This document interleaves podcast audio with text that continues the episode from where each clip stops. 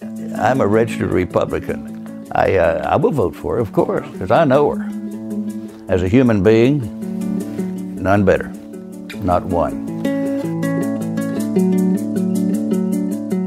How you doing, son? How you doing, brother? Good to see you, Bobby. T-Rex is here. Hello, little brother. How you doing? שמענו עכשיו את אה, וידאו האחים של אה, אליזבת וורן.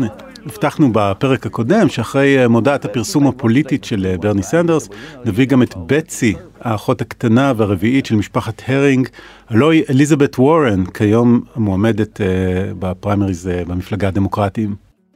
כן, והתשדיר המשפחתי הנעים הזה מגיע כמה ימים לפני איואה. אה, אולי בשביל לתת למקומיים שמה ניחוח של אמריקה הפשוטה, אנשים, האנשים הרגילים מאוקלאומה סיטי, אפשר לראות את הפשטות של הבית, של הסלון שהם יושבים בו, המפגש של האחים המבוגרים ממנה. אפשר להגיד, אה, אורי, שוורן אה, עובדת מאוד קשה על התדמית הזאת, ה- אה, down to earth, אה, אחת שהיא מחוברת לאמריקאים הפשוטים קשי היום.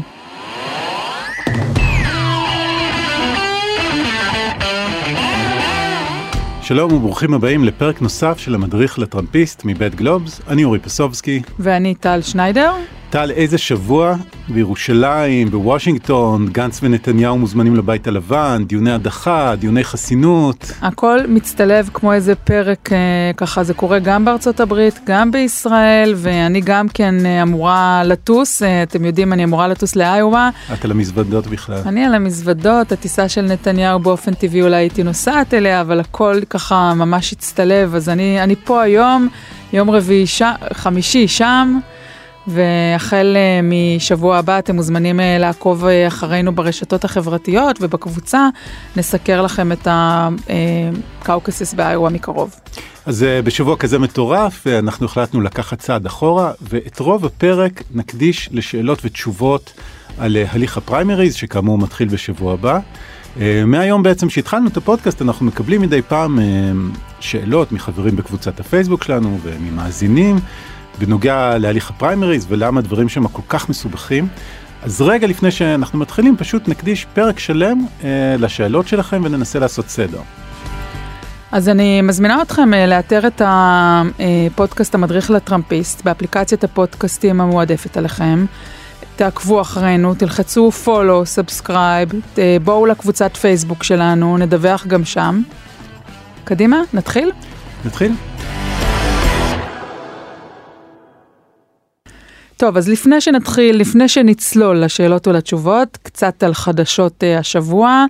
Uh, תראו, בוושינגטון uh, הסיפור הישראלי-פלסטיני לא מוביל את סדר היום, צריך להגיד. כל העיניים נשואות לסנאט, להליכי ההדחה.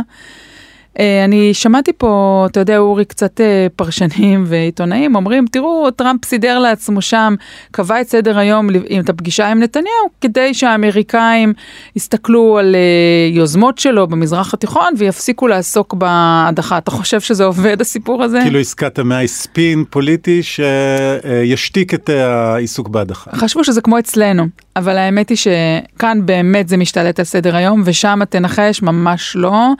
ישבתי אתמול, האזנתי רצוף לשידורי החדשות בכל הרשתות, ותראו, מי שרוצה לחשוב שתיווך פוליטי בין אה, נתניהו לגנץ באמצעות אה, הנשיא, כן, ואני אומרת אה, הפעם לא באמצעות הנשיא ריבלין, אלא הנשיא טראמפ. Uh, מי שחושב שזה יזיז uh, מסדר היום את המהלכים ההיסטוריים של הדחת הנשיא, שלא לא תקרה, לא תהיה הדחה, אבל עדיין ההליך מתקיים, אז אני חושבת שהוא לא, לא מבין איך וושינגטון עובדת. בינתיים הדמוקרטים סיימו את הפרזנטציה שלהם. הרפובליקנים מתחילים אותה, התחילו אותה כבר בעצם, כשהפרק הזה של הפודקאסט שלנו ישודר זה כבר יהיה אולי אפילו אחרי. ותוכנית השלום של טראמפ היא תוזכר אבל ממש בקטנה. מה, מה אתה מביא לנו היום בתחום החדשותי? זהו, אנחנו שבוע ומשהו לפני ההצבעה באיואה התפרסם סקר של הניו יורק טיימס בסוף השבוע האחרון. הוא מראה את ברני סנדרס מזנק להובלה שמה. אחרי שהם לא נתנו לו... אחרי שהם לא נתנו לו אנדורסמנט, אנדורסמנט. הוא מזנק להובלה עם 25% מהקולות, כלומר לא רוב הקולות באיואה, אבל כאילו מוביל אה, במרוץ בין כל המתמודדים הדמוקרטיים. במקום השני אה, בוטג'אג' עם 18% מהקולות, ביידן במקום השלישי עם 17% ובמקום הרביעי אליזבת וורן, שבעצם ההתחזקות של אה, סנדרס באה על חשבונה, יש לה עכשיו 15% בלבד מהקולות. איזה מטוטלת. וזה כבר אחרי שהיו לה באוקטובר 22%. הייתה ראשונה, לא? כן. מטוטלת. זהו, מה שכן, וורן מקבלת חיזוק מכיוון מערכת ה Des Moines Register, העיתון המקומי שמכריז על תמיכה במועמדות שלה. חוץ מהטיעונים המתבקשים על זה שיש לה אנרגיות ומוסר עבודה וחיבור לאנשים, יש שם עוד איזה טיעון מעניין שאפשר לשמוע אותו בעוד מקומות שוורן היא כזאת policy wonk, מה כן, שנקרא, מומחית מומחית. למדיניות ציבורית, והיא תדע איך להשיג דברים בוושינגטון. זה גם הייתה הסיבה שהניו יורק טיימס העדיף אותה, אמר שהיא פחות נוקשה מברני סנדרס בתחום המדיניות, ויכולה להתגמש ולעבוד. כן, אה, היא תהיה נשיאה אפקטיבית והיא תהיה גם נשיאה. אה, זו עוד אחת מהסיבות שהעיתון נותן, הגיע הזמן שתהיה נשיאה בבית הלבן. טוב, נראה. טוב, אורי, הפרק אה, של שאלות הגולשים, אתם תשמעו פה להלן את חלק מהגולשים והמאזינים שלנו בקולם. ולפני שאנחנו נצלול לשאלות והתשובות, אנחנו כן רוצים, אה, אורי ואני, לתת פה איזשהו הסבר אה, כללי, כי אתם בטח מבינים כבר שאם אנחנו בחודש ינואר ופברואר התחלנו, אז uh, מערכת הבחירות בארצות הברית היא אולי הארוכה ביותר שקיימת uh, ברחבי העולם, היא תסתיים רק בנובמבר 2020. ומה שמתחילים uh, לעשות בחודש פברואר זה למיין בעצם את המועמדים המובילים, ועושים את זה באמצעות קהל הבוחרים של המפלגות uh, השונות, עוברים ממדינה למדינה, לרוב עושים את זה בימי שלישי, uh, יש כמה חריגים. ובעיקר מסתכלים גם על מצבור של מדינות שעושות פריימריז באותו יום. הסיפור הגדול ביותר כמובן זה ה super Tuesday, שנערך, אה, מצטלב לנו עם התאריכים, אצלנו הבחירות הן בשני במרס, ה super Tuesday האמריקאי הוא בשלישי במרס. עכשיו, אני רציתי גם להגיד, אתה יודע, אורי, אה, כל שמונה שנים בעצם הפריימריז הם גם במפלגה הדמוקרטית וגם במפלגה הרפובליקנית. זה מה שראינו ב-2016.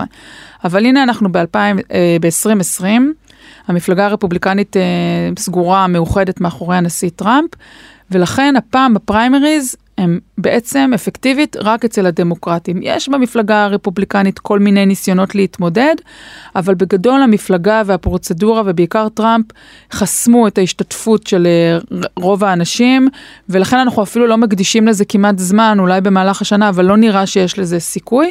אז אם אתם שואלים, אה, מאזינים יקרים, למה אורי וטל מתעסקים כל כך הרבה במפלגה הדמוקרטית? התשובה היא כי ההתמודדות היא בעיקר שם. אוקיי, okay, וכל התהליך הזה בצד הדמוקרטי מתחיל uh, במדינת איואה. Uh, uh, דיברת על זה שיש פריימריז, אבל בעצם באיואה אין בדיוק פריימריז, יש שם שיטה טיפה אחרת שנקראת caucuses, um, אז אולי... אני ארשה לעצמי לשאול אותך את שאלת הפתיחה, למה בעצם פריימריז מתחילים באיואה, למה הם מצביעים בשיטה המשונה הזאת ש... שהיא ייחודית או לא ייחודית להם, אבל שיטה שרוב המדינות האחרות לא מצביעות בה. אוקיי, okay. אז קודם כל נגיד למאזינים, אה, איואה היא אכן המדינה הראשונה, היא לא מייצגת בשום צורה אה, את ארצות הברית מבחינה דמוגרפית. אנחנו מדברים על אוכלוסייה שהיא לבנה, נוצרית, חקלאית, אנשים שהם מאוד רחוקים ממוקדי הכוח, ובכל זאת בערך אה, זה התחיל ב-1972.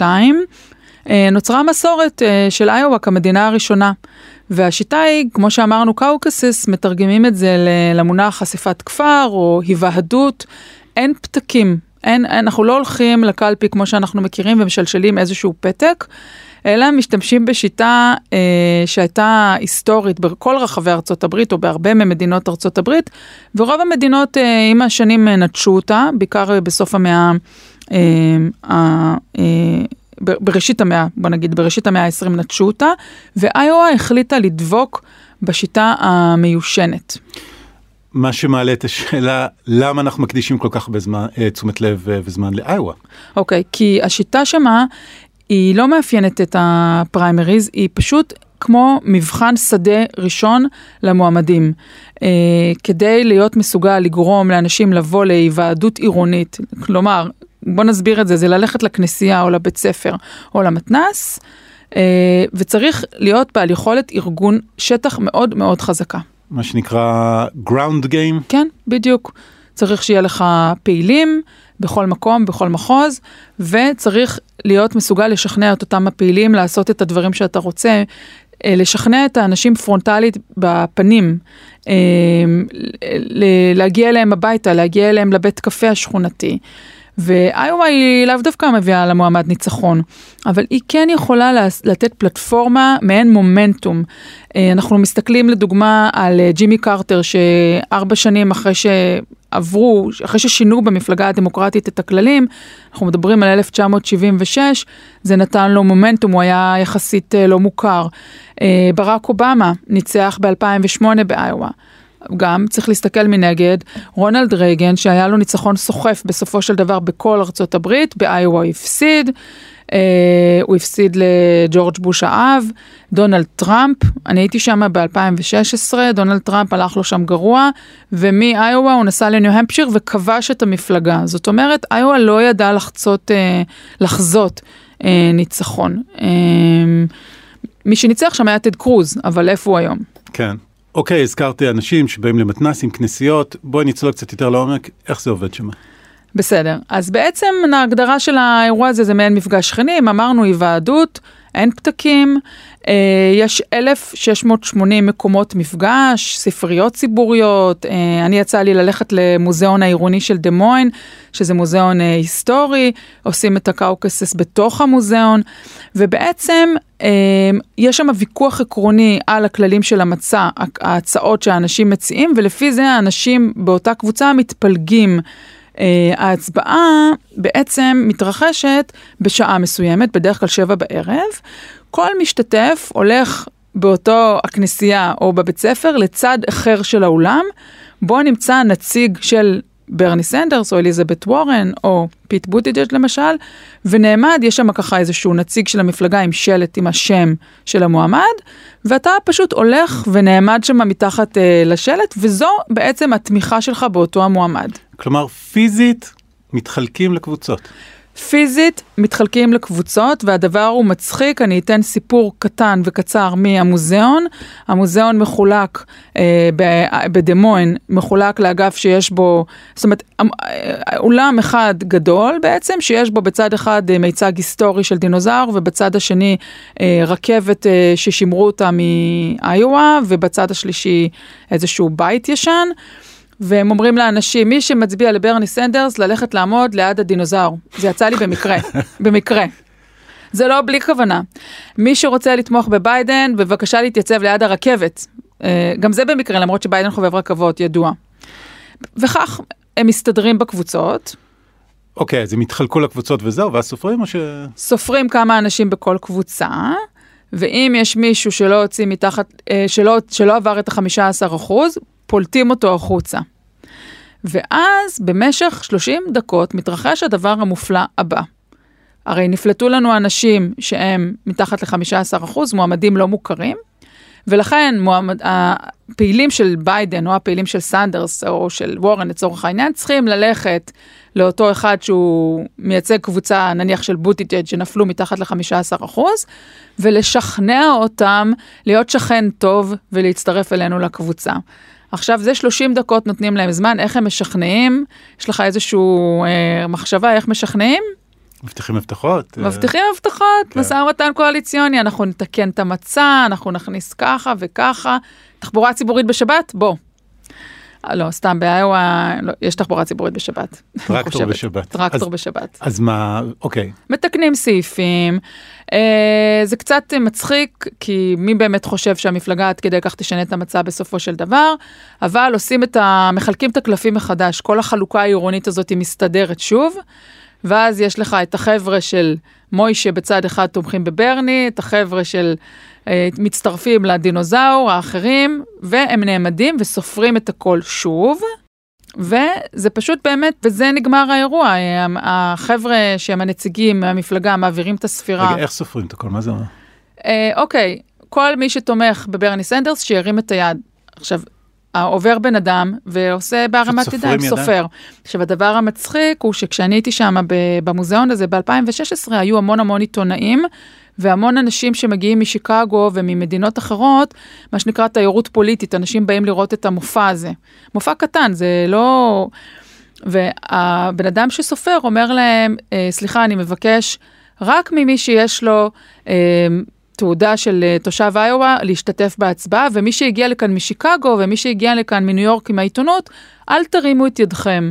זאת אומרת, אני ישבתי שם, לא הייתי צריכה להראות שום תעודה, שום נייר בשביל להיכנס, ופשוט ביקשו ממני לא להשתתף, כי אני הזדהיתי כעיתונאית, וזה, תשמע, אה, זה מצחיק, זה בנוי על אמינות, תכלס. לא הרגשת דחף להרים את היד, להצביע בעד המועמד אה, החביב עלייך? בין הילרי קלינטון לברני סנדרס היה לי דחף מאוד מאוד גדול להשתתף בהצבעה, אתה יכול לנחש איפה הקרביים שלי היו באותו רגע, אבל אנחנו לא נסגיר את התמיכה צילמתי. צילמתי, התרגשתי, זה נו... הייתי שם פעמיים אגב אה, באירוע הזה, ועכשיו אני מחפשת לעצמי לנסוע או לכנסייה או לחוג בית, אני במקום ללכת למוזיאון אני רוצה ללכת למישהו שעושה בסלון. כמה אפשר עם הדינוזאור הזה? אוקיי, אז בואי נזכיר מי היו המנצחים בעשור האחרון. אה, אוקיי, אז אה, ב-2008 אובמה ניצח בדמוקרטים, וכמובן נהיה נשיא בסופו של דבר. מייק האקבי, למי שזוכר, ניצח ברפובליקנים, ואיפה הוא היום? Nobody knows. אני חושבת שהוא מגיש משהו בטלוויזיה. פעם, כן. ב-2012 הדמוקרטים זה היה לא רלוונטי כי היה את הנשיא אובמה. ברפובליקנים ניצח ריק סנטוריום בפער מאוד מאוד קטן. מישהו כן. זוכר איפה הוא היום? בסוף רומני היה מועמד שלהם. רומני היה המועמד של המפלגה והפסיד לאובמה, וב-2016 ניצחה הילרי קלינטון אה, בצד הדמוקרטי, ובצד הרפובליקני ניצח טד קרוז, והנשיא הוא אדם שלישי. שלא ניצח שם, כמובן. כן, דונלד. אז עד כאן היה הפרק שלנו קצת על ה caucuses, ועכשיו אנחנו נעבור לשאלה של גיא. אני אה, פחות שאלה, אני רוצה יותר אה, טיפה הבהרה, לעשות קצת סדר בכל הממשל האמריקאי, איך עובדת שיטת הבחירות, שיטת האלקטורים, אה, מה זה בית הנבחרים, הקונגרס, מה ההבדל ביניהם. אוקיי, תודה גיא, ובכלל תודה לכל המאזינים ששלחו שאלות. השאלה שלך מאוד רחבה, אה, צריך להבין, אנחנו מתנצלים בממשל, ממשלה שבעצם אה, מורכבת, אה, מייצגת 50 מדינות שונות, 333 מיליון איש, אה, אי אפשר לזכור הכל בכמה רגעים. נגיד רק שלכל מדינה יש בית מחוקקים מקומי ומושל מקומי, וכמובן בממשל המרכזי, הפדרלי בוושינגטון, יש את הקונגרס ויש את הנשיא. והבחירות שאנחנו מדברים עליהן הן לנשיא ארצות הברית. אה, הבחירות שאנחנו מדברים עליהן כרגע, בנובמבר 2020, כמובן יהיו בחירות לחלק מהמושלים, בתי הקונגרס המקומיים. אה, וכשיתקרבו הבחירות נתקר... אה, אה, נתייחס לעוד היבטים שלהם אה, כאן בפודקאסט, אבל בינתיים נתרכז ברמה הפדרלית. כן, מה שקורה בוושינגטון, נכון? אז מה, מה בעצם החלוקה שם בקונגרס? אז אה, כן, אנחנו, הקונגרס בעצם אה, אה, מחולק לשני בתים. הבית התחתון, בית הנבחרים, מהמם. כשמדברים על קונגרסמן או קונגרסווימן או House of Representatives, House of Representative זה זה, בדרך כלל. איפה שפלוסי היא הבוס. כן, והבית העליון זה הסנאט, מהמם. שם יושבים הסנטורס, בבית הנבחרים אה, יש 435 נציגים שמייצגים אה, מחוזות ברחבי ארצות הברית, אה, שזו שיטה אזורית, למשל קליפורניה היא מדינה עצומה עם 55 מיליון איש, יש לה 53 נבחרים בבית הנבחרים.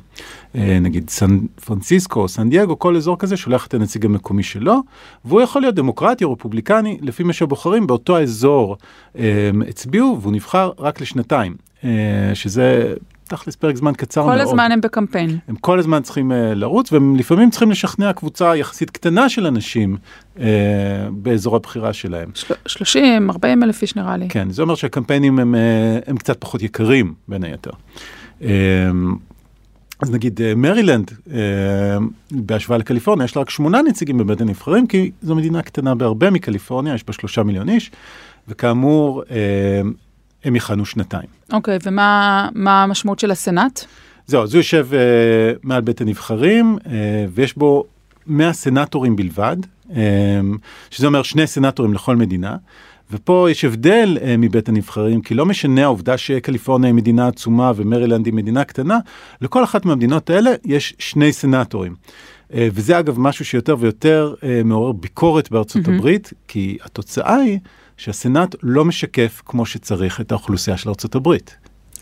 אה, בכל מקרה, זה ברור שלהיבחר לסנאטור מטעם מדינת קליפורניה זה חתיכת סיפור, אה, כי צריך אה, להתמודד מול 55 מיליון איש. לעומת זאת, במרילנד אתה יכול להיבחר לסנאטור ככה בקמפיין שהוא פחות יקר. כן. וכוחם שווה בסופו של דבר. כן, והתפקיד זה מינוי לשש שנים. Mm-hmm. כן, שש שנים זה, זה אומר שבעצם כל שנתיים מתחלף שליש מהסנאט. זאת אומרת, אה, מתוך המאה איש שהם סנאטורים כיום, בערך שליש מהם עומדים לבחירה בנובמבר 2020 הקרוב. חלק מן הסנטורים יצליחו להיבחר מחדש, וחלק מהסנטורים אה, קשה להם, הם צריכים אה, לבוא ולשכנע ציבורים שונים שהם ראויים להמשיך. ומכאן אנחנו לפעמים רואים את הקושי של סנטורים רפובליקנים ללכת לזרום עם טראמפ על כל דבר, כי הם יודעים שהציבור שלהם אולי לא כל כך אוהב את הנשיא, על אף שהם רפובליקנים. כן, אנחנו רואים את הדילמה הזאת במשפט ההדחה, כן, איך לתמרן. בדיוק. אוקיי, בואי נמשיך לשאלה הבאה. אז זו שאלה של ירון. שנים חשבתי שהיה עדיף לנו להשאיר את המנדט עוד קצת שנים כדי שיהיו פה רכבות, או שאני אהיה אה, כוכב נוסף בדגל האמריקאי, אה, על מנת שיהיה פה גוורנר ויהיה פה אה, משהו כמו אתיקה או חוקה או משהו כזה. אבל עכשיו כשאני רואה את הכל וזה אותו פח זבל שם ופה, כאילו, מה העתיד? מה ה vision, כאילו, מעבר רגע, לאן זה הולך כל המשחק הזה? טוב, ירון, שאלה קשה מאוד, אה, באמת המצב לא מזהיר. אה, תשמע, יש כאן קצת אה, התלבטות בחדר. אני חושבת שהדמוקרטיות חזקות מהתקופה הזאת והן ישרדו את הטלטלות. אני חושבת שאנחנו רואים דמויות צבעוניות, מנהיגים שמאתגרים אולי את, ה, את המחשבה ואולי את, אפילו את הפילוסופיה הדמוקרטית. אה, אבל זו תקופה והיא תחלוף, לדעתי, היא תחלוף. אני אה, אולי אעיר שיש כאן לדעתי משהו שהוא טיפה קצת מעבר לדמויות צבעוניות. קודם כל, אנחנו מגלים אה, שכל מיני היבטים של הדמוקרטיה שחשבנו שהם חקוקים בסלע ככה, הם בעצם סתם נורמה שמנהיגים יכולים להפר אותה.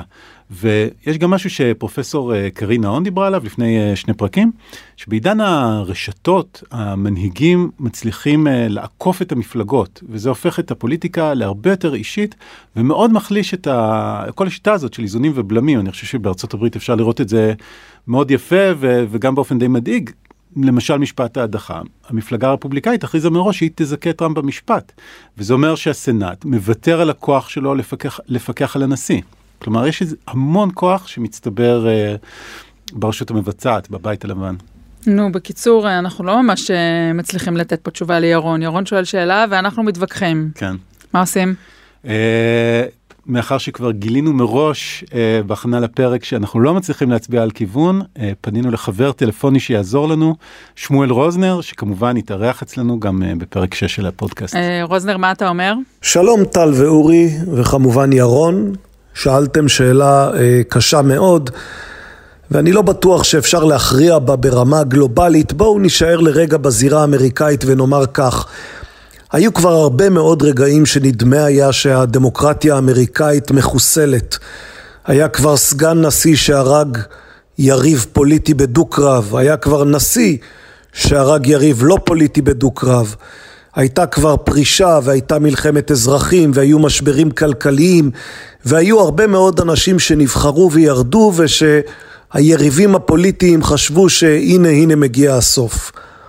אז למרות שאני בוודאי מודאג כמו אורי מתהליכים שאנחנו רואים, שקשורים לרשתות חברתיות ולמגמות גלובליות ולעוד כל מיני דברים אחרים, הנטייה שלי בשלב הזה להמשיך ולהיות אופטימי כמו טל ולהניח שהדמוקרטיה, גם האמריקאית וגם דמוקרטיות אחרות שאנחנו מכירים במקומות אחרים, אה, תצליח להתגבר על האתגרים שעומדים בפניה ואיכשהו להמציא את עצמה מחדש בצורה מוצלחת יותר למאה ה-21. טוב, ועכשיו אה, שתי שאלות אה, מאיתן ומלינוי. השאלות היו דומות, אז קיבצנו אותם ביחד. בואו נקשיב קודם לאיתן. עכשיו כשהליכי ההדחה אוטוטו נפתחים, השאלה שלי היא מה הדמוקרטים יכולים לעשות פרוצדורלית בשביל לגרום לאחר במבוכה לטראמפ, בהנחה שזה גם ככה הסוף ידוע, מה הם יכולים לעשות תוך כדי התהליך כדי לגרום להכי הרבה מבוכה והכי הרבה סיכויי הצלחה ב-2020. ולשאלה של לינוי? היי טל ואורי, זאת לינוי. רציתי לשאול אם הסיפור של ההדחה משרת את הדמוקרטים בתהליך הזה, או שהוא למעשה פוגע בהם. למי שלא זיהה, זו הייתה לינוי בר גפן, חברתנו, העיתונאית, שהתעניינה גם היא בנושא של הבחירות בארצות הברית. אז אה, אני חושבת שהדמוקרטים מנסים להביך את הנשיא טראמפ, הם מנסים לטלטל אותו. אני חושבת שהם מנסים לייצר לו מה שאנחנו קוראים היום בחיבה טוויטר טנטרום, זאת אומרת אה, שבירת כלים בטוויטר. למה הם רוצים לעשות את זה? הם רוצים להציג אותו בפני הציבור האמריקאי כ... משוגע יותר מדי, בוא נגיד את זה ככה, שלא שולט בעצמו. אתה רוא, רואים גם אורי בשבועות האחרונים מה הולך בחשבון הטוויטר שלו, אה, אפילו העיתונים יצאו בכותרות שגם הוא בשביל עצמו הגזים. אה, אתה חושב שזה ישנה משהו? אני לא יודע, אני חושב שהרי הדחה לא תהיה פה, אולי, אה, אולי כן אפשר באמצעות ההליך הזה לגרום לסנאטור או שניים רפובליקאים להצביע נגד הנשיא, נגיד uh, מיט רומני, uh, והצבעה כזאת כן יכולה להיות משמעותית, מין שבירת mm-hmm. שורות שתוכל... Uh, תדמיתית. תדמיתית לחזק את הדמוקרטים. Mm-hmm. הייתי אומרת שעד נובמבר, בגדול, אף אחד לא יזכור את זה. אתה חושב? אתה מסכים? כן, האמת היא, אם, אם הדמוקרטים יסיימו, אם זה יסתיים מהר כמו שמסתמן עכשיו, זה, זה ייראה מרוחק, אבל... Uh, עדיין יש, אה, זה נחיה ונראה, כן, האם יעלו עודדים כמו בולטון או מולבייני או מי, אה, לב פרנס, זה כן יכול להעלות עוד אספקטים של הסיפור לכותרות. לדעתי, אני לא בטוחה שהם יכולים עוד לעלות ולבוא, אבל מה שהם עושים, הם משחררים את התכנים שלהם בכלי כן. התקשורת, וזה כן אה, משפיע במידה מסוימת על הציבור. כן, אבל איך תדעי, יכול להיות שזה גם יעזור לטראמפ, הדמוקרטים אה, חופרים עם ההדחה שלהם, כן. בינתיים הכלכלה משגשגת, כן. Mm-hmm. טוב, אה, שאלה משירלי. היי, זאת שירלי, ומה שאני לא מצליחה להבין זה איך ייתכן שבחלק מהמדינות שעושות פריימריז דמוקרטיים, אה, גם רפובליקנים רשומים יכולים להשתתף. תכלס זה כמו שאנשי מרץ יצביעו בפריימריז של הליכוד, לא? שאלה מעולה. מה אתה אומר? כן, הכללים של הפריימריז משתנים ממדינה למדינה. אה, צריך לזכור שבכל אחת מהמדינות, יש uh, מפלגה רפובליקאית מקומית, מפלגה דמוקרטית מקומית, וגם חוקים מקומיים של המדינה, ולכן הכללים uh, משתנים. טל, אולי uh, יש לך דוגמה. כן, שבניו-המפשיר, הפריימריז, הפעם זה לא caucuses, כמו שאמרנו בהתחלה, אלא זה פריימריז אמיתיים עם פתקים, ובעצם שם, הכללים של המדינה הזאת מאפשרים לכל מי שרוצה לבוא להצביע, בין אם אתה חבר מפלגה רשום, ובין אם אתה לא חבר מפלגה רשום. ויותר מזה, אם אתה חבר רשום במפלגה הרפובליקנית, מותר לך לבוא לפריימריז הדמוקרטיים ולהצביע, לבחור בין סנדרס לבוטיג'ג' לוורן וכולי. עכשיו, זה פשוט ב-2016, אני הייתי שמה, ישבתי באיזה אירוע פוליטי.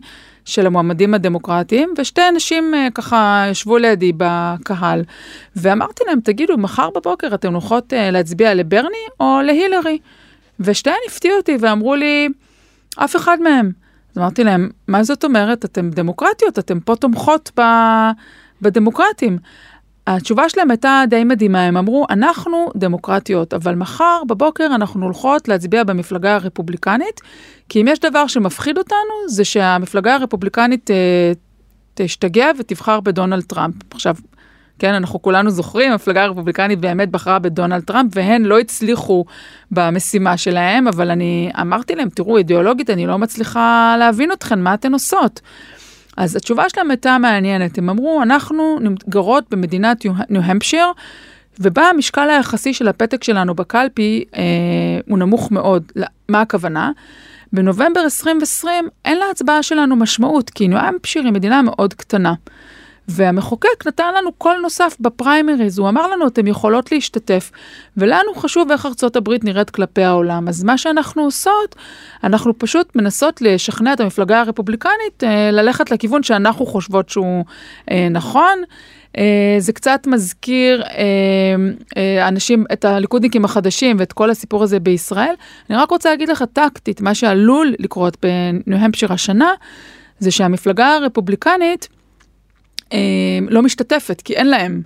אז יכול להיות שהרבה מאוד אנשים רפובליקנים יעשו הצבעה טקטית והם יגידו בוא, בוא נרומם את ברני סנדרס כי אנחנו חושבים שטראמפ מול סנדרס זה יהיה הקמפיין שיש בו הכי טוב לטראמפ. ומותר לעשות את זה שם, פשוט מותר לעשות, אין, אין שום בעיה עם זה. כן, בוא נעבור לשאלה של חיים. במיין, בבחירות הכלליות, יש את האפשרות שכיסאות ילכו בסנאט גם לדמוקרטים וגם לרפובליקנים, לא רק winner takes all. גם בפריימריז הדמוקרטים והרפובליקנים בחלק מהמדינות יש אופציה כזאת, זאת אומרת שלא יהיה רק מנצח אחד, אלא שהקולות יתחלקו לזה ולזה ואז ימשיכו את הקמפיין שלהם? היי חיים, אז השאלה שלך היא ממש למתקדמים והיא מסובכת קצת, אז בוא נפריד רגע בין הפריימריז במפלגות לבין הבחירות הכלליות. הבחירות הכלליות, אלה שיערכו בנובמבר 2020, הן מוסדרות לחלוטין על ידי החוקה של ארה"ב. לעומת זאת, הליך הסינון הפנימי של כל אחת מהמפלגות הוא לא מוסדר בחוקים ובחוקה, אלא בתקנונים של המפלגות וגם אה, בראשות המפלגה ברמה המקומית, כלומר בהחלטות של מפלגה בכל מדינה ומדינה. אה, שתי המפלגות פיתחו שיטה עקיפה, אנשים מצביעים במדינה ומה שהם בוחרים זה ציר, כלומר אדם שייסע בשמם לוועידה הגדולה של מפלגה ויצביע שם בשמם. אה, ולכן ברוב המקרים הצירים מחויבים למי ששלח אותם. נניח אה, אם ברני השיג אה, שיעור תמיכה של 27% בפריימריז בפנסילבניה, אז 27% מן הצירים שייסעו לוועידת המפלגה בקיץ יהיו מחויבים לתמוך שם בברני. אבל פה גם מגיע טוויסט קטן. כן, הטוויסט הזה קיים רק במפלגה הרפובליקנית בעצם. אה, והוא שאם אה, יש כמה מדינות שבהן ניצח אדם מסוים, הוא גורף את הצירים של אותה מדינה, את כל הצירים, קוראים לזה winner takes it all. אה, ואני מדגישה, אנחנו מדברים רק על הפריימריז, כרגע, אנחנו מדברים בפודקאסט הזה רק על הפריימריז ורק על המפלגה הרפובליקנית, ואתם זוכרים שה, שההתמודדות שם הפעם היא כמעט לא קיימת. היא מתקיימת אמנם, אבל היא, היא לא, לא מסוכרת כי היא חסרת uh, סיכוי. אז uh, יש כמה מדינות שזה קורה בהן, פלורידה, אריזונה, בערך שמונה מדינות. במפלגה הדמוקרטית זה לא קיים. ועכשיו לשאלה של אחד, חבר, איתי הרמן, אתם מכירים אותו בשם הצ'ייסר. Uh, uh, לא תאמינו, אבל היה לו מה לשאול אותנו, uh, זאת אומרת, אנחנו פה די מסמיקים כאן, אורי ואני, שלצ'ייסר יש שאלה. אבל כן, בבקשה, איתי. היי, זה איתי הרמן. רציתי לדעת, איך זה יכול להיות שהפריימריז מתקיימים אה, ממש אה, בו זמנית בין הדמוקרטים והרפובליקנים, הם מתאמים אחד עם השני? טוב, אה, לא חשבתם שהצ'ייסר ישאל שאלה פשוטה, שאלה חכמה ממש. לפי מה שהסברנו קודם לחיים הר זהב, אז הנושא הזה הוא, הוא לא בחוקה ובחוקים, אלא הוא פרי ההחלטות של המפלגות עצמן. בואו נלך טיפה אחורה, ארה"ב מורכבת מ-50 מדינות. אבל היסטורית חלק מהמדינות צמחו והתעצבו עצמאית, מקומית. היו מדינות שכבר היה להן שלטון אה, מוסדר, אתם זוכרים את המונח 13 המושבות, עם שלטון מקומי, חוקים מקומיים. בעצם את מדברת על העידן שלפני הכרזת העצמאות האמריקאית. נכון, התפתחו מושבות, בכל מקום היו בעלי תפקידים שהתאימו לחוקי המקום. בחלק מהמדינות היה Secretary of State, שזה מעין סוג של מזכיר מדינה, עושה פונקציות של שר פנים אצלנו פלוס מינוס. במקומות אחרים ועדה או שופט שמחליט על הכללים. כאשר ארה"ב הפכה לאיחוד של כל המדינות, הממשל הפדרלי לא שינה לכל מדינה את הכללים, יש להם מידה מסוימת של שלטון uh, מקומי, מידה די רבה צריך להגיד, ולכן זה מוסדר ברמה המקומית, והמשימה היא לפקח ולערוך את הבחירות בכל מדינה על ידי בן אדם שהוא, שהוא אחראי על הפקידים של המקום, על, ה, על התאריכים, הוא צריך להפעיל שוטרים, פקחים, ולכן המדינה מכתיבה לשתי המפלגות שזה יהיה ביחד, כדי שהם יוכלו לנהל את העסק הזה בצורה אה, נורמלית. אה, יש כמה חריגים, קנטקי, וירג'יניה, אלסקה, מדינות נוספות.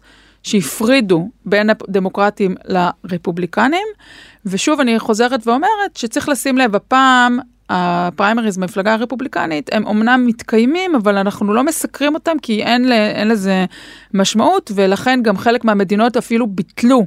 את הבחירות של הרפובליקנים, וזו אחת הסיבות גם שאף אחד מהמועמדים שם לא יכול באמת לגבור על אה, טראמפ. נעבור לשאלה של בן. שלום, ורציתי לדעת מה עושים delegates כשהמועמד שלהם פורש מהמרוץ לנשיאות. אוקיי, okay, שאלה uh, קצרה ולעניין, אני אנסה לחזור אליה בהרחבה קצת יותר. למשל, בוא נדבר uh, על המפלגה הדמוקרטית, uh, כאמור, שם התהליך רלוונטי יותר. Um, אז אמרנו, בוחרים במועמד מסוים, אבל בפועל, כשאתה בוחר לתמוך במועמד מסוים, אתה בוחר צירים או delegates מטעם אותה מדינה, שייסעו לוועידה הגדולה בקיץ ויצביעו לפי מה שהציבור במדינה שלהם בחר. אבל נניח שפיט בוטיג'ג' מצליח להציג הרבה צירים באיווה וניו-המפשר, אבל אז הוא לא מתרומם, אה, צבר נגיד 50 צירים, ואז הוא פורש. והשאלה היא מה קורה עם הצירים שלו אה, אחרי שהוא פורש מהמרוץ. אז בעצם הם, אה, הצירים נוסעים, זה אנשים אמיתיים, הם נוסעים לוועידה. ומכנים אותם uncommitted, כלומר משוחררים ממחויבות, הם חופשיים להצביע למי שהם רוצים, אבל בוטיג'אג' יכול להגיד לכל הצירים שלו, תשמעו, אני יש לי, מעדיף שתלכו עם ברני, כי לך תדע, אולי הוא הבטיח לו משהו, הוא סגר איזה עניין, מותר לו לעשות את זה, ואז הם, אה, הם הולכים לפי ה... הם אמורים ללכת לפי ההמלצה של המועמד שעבורו הם אה, הם נסעו מלכתחילה. כלומר, אתה יכול לקחת את הצירים שלך ולתת אותם למועמד או מועמדת. כן, יש לזה כל מיני סייגים. אה, שאלה נוספת מבן, או אה, בן, תודה רבה, אה, שתי שאלות מאותו מאזין. רציתי לדעת איך קובעים כמה דלגטס יהיו לכל מדינה. זה לפי מספר תושבים או לפי מספר אה, מצביעים רשומים אצל הדמוקרטים? טוב, אז במפלגה הדמוקרטית יש 4,750 delegates. אה, אני מתנצלת בפני המאזינים על כל המספרים הלא סקסיים האלו והלא העגולים, אבל זה המצב. אמרנו לכם, מסובך. אה, 3,979 מתוך אותם 4,750 הם צירים שנבחרו מהמדינות, זאת אומרת, כמו אלו שאנחנו רואים היום. ו-771, שזה בערך 16 אה, אחוז, זה מה שנקרא super delegates. זה אנשים פונקציונרים.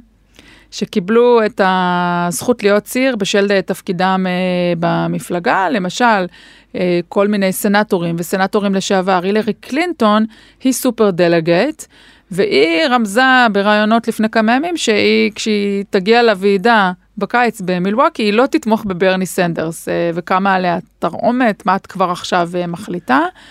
אבל מספר הצירים שמוענק לכל מדינה זה איזושהי נוסחה שהנוסחה, הקוד הסודי שלה נמצא כמו הנוסחה של קוקה קולה, אף אחד אה, לא, זה סודי כזה, לא, אני מתלצצת, זה פשוט באמת משהו קצת מורכב, זה מורכב מה... אה, כמה אנשים באותה מדינה תמכו במפלגה הדמוקרטית, וכמה חלקה של אותה מדינה באלקטורל קולג' ומרכיבים נוספים, לא ניכנס לזה, תאמינו לי, גם אני לא רוצה. יש איזושהי נוסחה וממוצע משוכלל, בקיצור. השאלה שנותרה לי זה מה יהיה איתך הילרי. צריך להתקדם, שחררי. אתה חושב שהיא תקבל לנאום בוועידה אם ברני סנדרס יהיה המועמד? אה וואי, מה זה לא.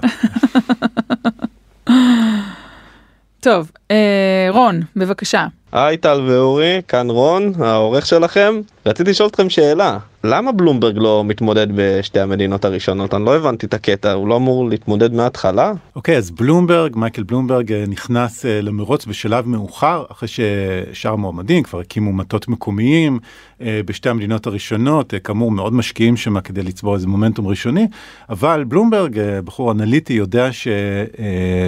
לזכות במספרים המשמעותיים של צירים ודלגטס, את זה עושים בעיקר במדינות הבאות, ובעיקר בסופר טיוסדיי, אמ, שכמו שאמרנו נערך ממש בסמוך לבחירות אה, בישראל, שם יש הצבעה של אה, מספר גדול מאוד אה, במדינות במקביל, ומקצים ביום הזה בערך 40% מן הצירים, כך ששם הגראונד גיים הוא לאו דווקא הדבר העיקרי, והאסטרטגיה של בלומברג היא להפגיז. אה, במודעות, בפרסומות בטלוויזיה באותן המדינות, כולל בקליפורניה, ששם יש המון צירים, ופה יש לו יתרון, כי פשוט יש לו הרבה כסף לקנות כמה פרסומות שהוא רוצה. כן. אה, שאלה של ארז. שמי ארז וגנר, ורציתי לשאול לגבי המדיניות החוץ של המועמדים הדמוקרטיים, בפרט כעת לאור החיסול של סולימני התגובה שלהם נראית מאוד דוגמטית, והבנתי שהוויכוח סוער בתוך הדמוקרטים, והייתי רוצה לדעת אה, פירוט יותר גדול לגבי התוכניות של המועמדים ליחסי החוץ כאשר בתור נשיאים. תודה רבה, ותודה רבה על הפודקאסט המעולה. טוב, ארז, תודה על הדברים החמים שאמרת. Uh, תראה, באשר לנושא של מדיניות חוץ, אני ממש ממליצה להאזין לפרק שלם שהקדשנו לנושא. Uh, במיוחד uh, עשינו את זה אחרי החיסול. ראיינו את שגריר ישראל לשעבר באו"ם ובלונדון, ומי שהיה גם uh, ציר בוושינגטון, רון פרוזור. אתה יכול למצוא את הפרק, אתם המאזינים יכולים למצוא את הפרק באתר גלובס, תחת הכותרת ההתנגשות בסולימני. יש כאן אלמנט הרתעתי, כל השכונה מסתכלת ואומרת, וואו, זה כמובן ציטוט של פרנזור, אני פשוט אומרת את המילים כדי שתוכלו לגגל את הפרק.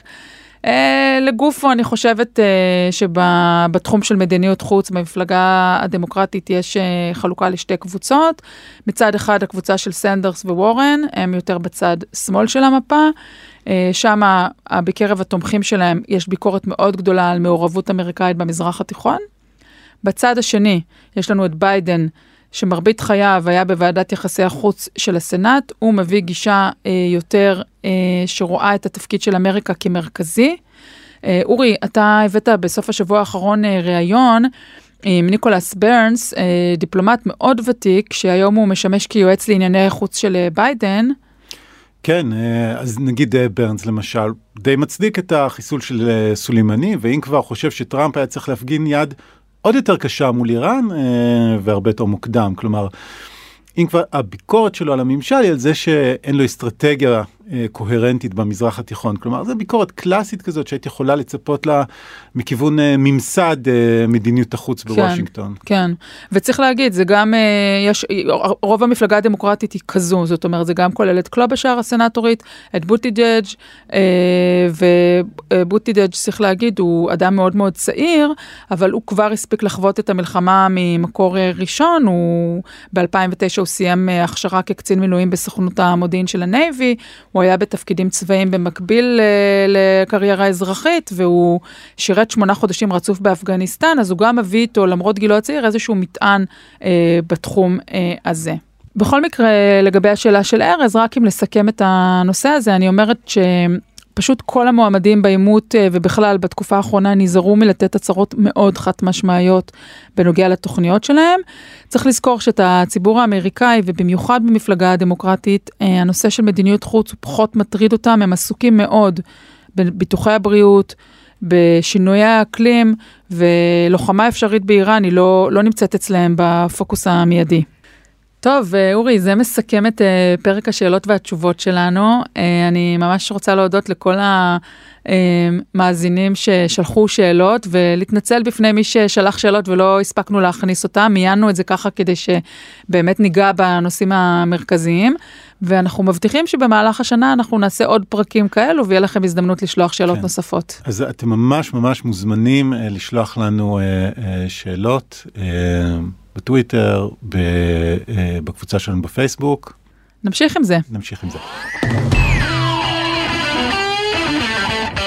לקינוח הפרק הקצרצר של הפינאץ שלנו, הדברים הקטנים והחמודים, אורי? לא יודע כמה חמוד, אבל uh, שר החוץ uh, מייק פומפאו נכנס uh, בסוף השבוע האחרון לסכסוך מתוקשר עם uh, מרי לואיז קלי, המגישה של All Things Considered, שזה אחת מתוכניות הדגל של NPR, רדיו ציבורי בארצות הברית. בריאיון איתו היא, uh, היא לחצה עליו uh, על זה שהוא לא תומך uh, באנשי המשרד שלו ולא תמך בשגרירה כאילו באוקראינה. כאילו שאלה שאלות קשות. שאלה שאלות קשות. וואו. ואחרי הריאיון אה, מסתבר שהיא אה, חשפה אחר כך שפומפאו התפרץ עליה, ואז הורה עוזר שלו להביא מפה ריקה של אירופה וביקש ממנה להצביע על אוקראינה במפה.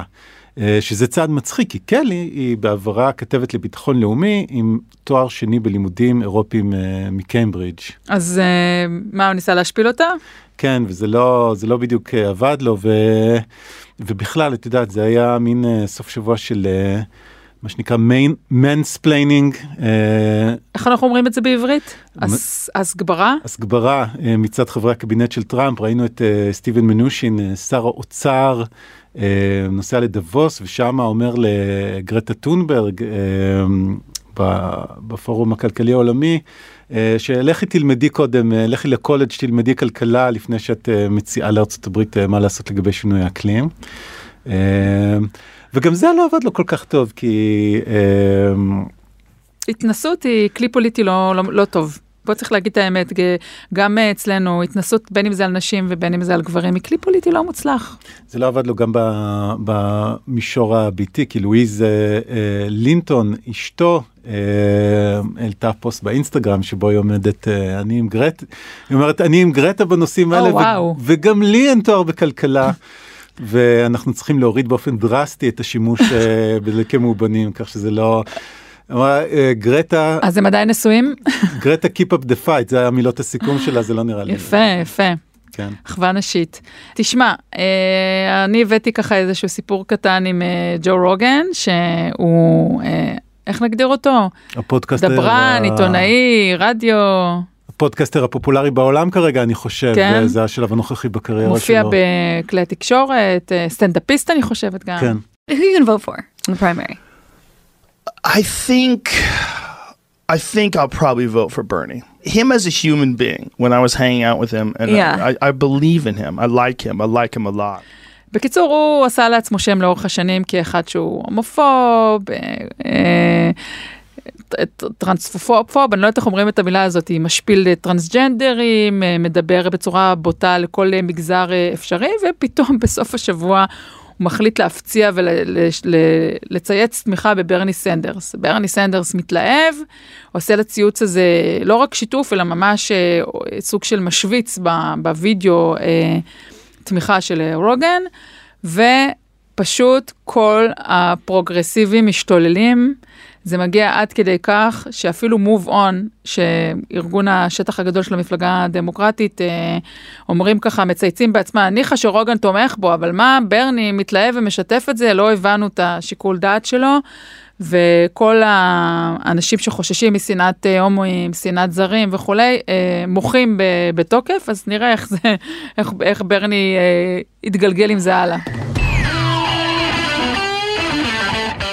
עד כאן המדריך לטראמפיסט, מוזמנים לעקוב אחרינו באפליקציית הפודקאסטים האהובה עליכם, ונשמח אם תדרגו אותנו גבוה באפל פודקאסט. ואם עדיין לא הבנתם, אני מזמינה אתכם לבוא לקבוצת הפייסבוק שלנו, אנחנו נעלה שם דברים מהשטח, נשים לינקים לפודקאסט, רעיונות שאורי עורך במהלך התקופה, אה, יש שם מעניין מאוד, תבואו.